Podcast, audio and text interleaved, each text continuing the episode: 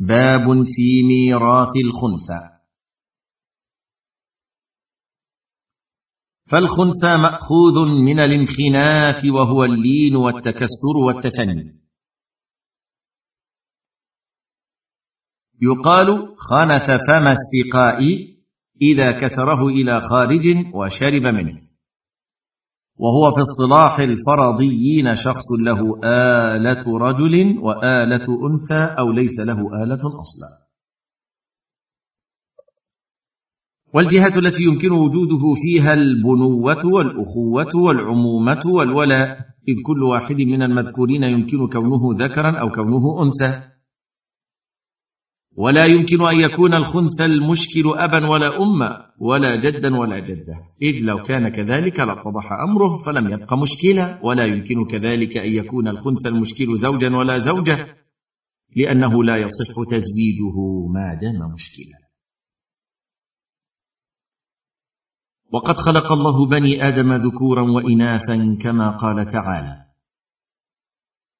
يا أيها الناس اتقوا ربكم الذي خلقكم من نفس واحدة وخلق منها زوجها وبث منهما وبث منهما رجالا كثيرا ونساء.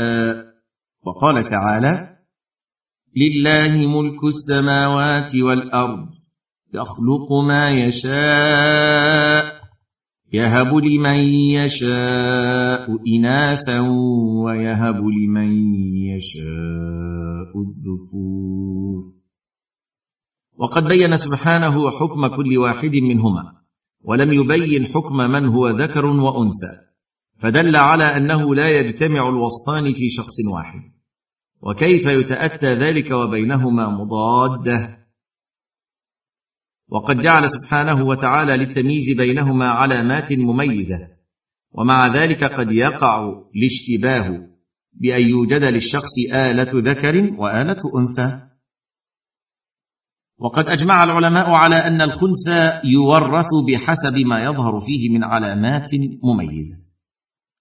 فمثلا إن بال من حيث يبول الرجل ورث ميراث الرجل. وإن بال من حيث تبول الأنثى ورث ميراث أنثى. لأن دلالة البول على الذكورة أو الأنوثة من أوضح الدلالات وأعمها لوجودها من الصغير والكبير. فبوله من إحدى الآلتين وحدها يدل على أنه من أهلها وتكون الآلة التي لا يبول منها بمنزلة العضو الزائد والعيب في الخلقة. فإن بال من الآلتين معا اعتبر الأكثر منهما وإن كان في ابتداء الأمر يبول من آلة واحدة ثم صار يبول من الآلتين اعتبرنا الآلة التي ابتدأ البول منها. فإن استوت الآلتان في خروج البول منهما وقتا وكمية فإنه ينتظر به إلى ظهور علامة أخرى من العلامات التي تظهر عند البلوغ ويبقى مشكلا إلى آنذاك لكنه يرجى اتضاح حاله عند البلوغ.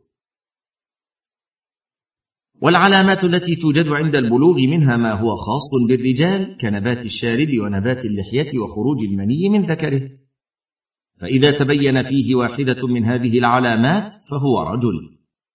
ومنها علامات تختص بالنساء وهي الحيض والحبل وتفلك الثديين. فإذا تبين فيه علامة من هذه العلامات فهو أنثى. فإن لم يظهر فيه شيء من علامات الرجال ولا علامات الإناث عند البلوغ بقي مشكلا لا يرجى اتضاح حاله. وللعلماء في كيفية توريثه وتوريث من معه في الحالتين مذاهب. الصفحة الثالثة والستون والثلاثمائة. فمنهم من يرى أن الخنث المشكل يعامل بالأضر دون من معه. فيعطى الأقل من نصيبه إذا قدر ذكر أو نصيبه إذا قدر أنثى. وإن كان لا يرث بأحد التقديرين لم يعط شيء. ومن العلماء من يرى أنه يعامل الخنثى ومن معه في الحالتين بالأضر ويوقف الباقي إلى اتضاح حالة الخنثى أو اصطلاح الورثة على اقتسامه. ومن العلماء من يرى أن الخنث المشكل يعطى نصف نصيب ذكر وأنثى إن ورث بهما متفاضلا. وإن ورث بأحد التقديرين دون الآخر فله نصف التقدير الذي يرث به. وهذا الحكم يعمل به سواء كان يرجى اتضاح حال الخنثى أو لا يرجى. ومن العلماء من يرى التفصيل فإن كان يرجى اتضاح حال الخنثى عومل هو ومن معه بالأضر. فيعطى هو ومن معه المتيقن من ميراثه. ويوقف الباقي إلى اتضاح حاله. وإن كان لا يرجى اتضاح حاله فإن الخنثى يعطى نصف ميراث ذكر ونصف ميراث أنثى. إن ورث بالتقديرين وإن ورث بأحد التقديرين أعطي نصف ما يستحقه به. والله تعالى أعلم.